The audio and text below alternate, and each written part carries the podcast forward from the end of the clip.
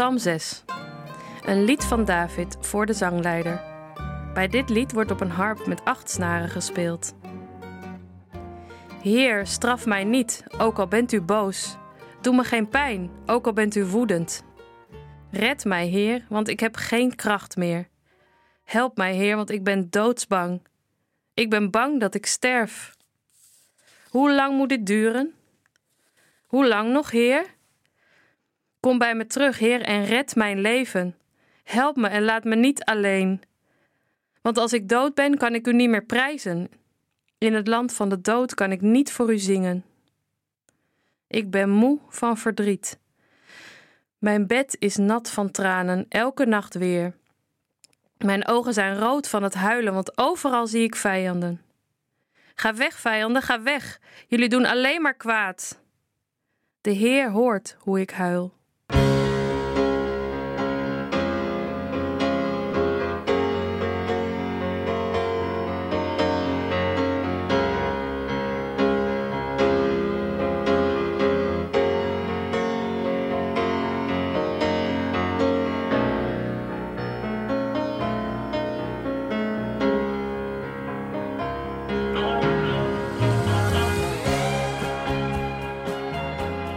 Psalm 6 is weer een gebed van David.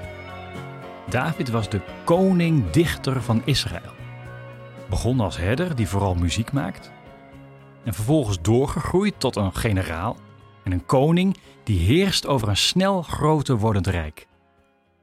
Dat klinkt als een bijna onwaarschijnlijk succesverhaal. En dat zouden coaches, spindokters en geschiedschrijvers er graag van willen maken, maar de Bijbel doet het anders. Hier in deze psalm is David vooral bang. Letterlijk doodsbang. Ik ben bang dat ik sterf, zo staat er. Hoe lang moet dit duren? Hoe lang nog, Heer? Als ik dood ben, kan ik u niet meer prijzen. In het land van de dood kan ik niet voor u zingen. Oh, dat is vreemd. Voor veel gelovigen is de dood een snelweg naar een eeuwigheid aan geluk. Naar het paradijs, naar de hemel, naar God zelf. En dan staat hier dat je in het land van de dood niet voor God kunt zingen. Dat je van hem afgesloten bent. Het is waar dat het vroege Jodendom wel een hiernamaals kent, maar dan meer als een soort schimmerrijk, een geestenwereld, waarin vrijwel iedereen gelijk aan elkaar is. Grijs, saai, doods. En tegenover die dood plaatst deze psalm het leven. Dat moet geloven ook zijn. Het maakt je opstandig. Opstandig tegen alles wat dood kan gaan in je eigen leven. En er kan veel dood gaan in je eigen leven. Je eigen waarde, je vriendschappen, je relatie, je gezondheid. Dat beschrijft deze psalm hier ten volle. Waar zit jouw doodsangst? Wat vrees je het meest? Waar ben je het meest bang voor? En wie weet dit van je?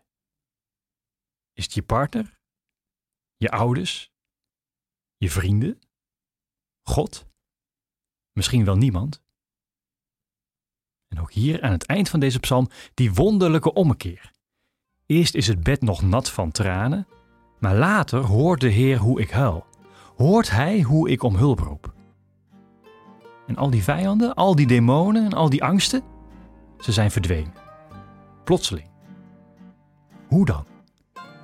Ik weet het niet. Maar een gebed kan verhoord worden. Maar dan moet je de woorden, ook de meest verschrikkelijke, wel eerst laten uitspreken.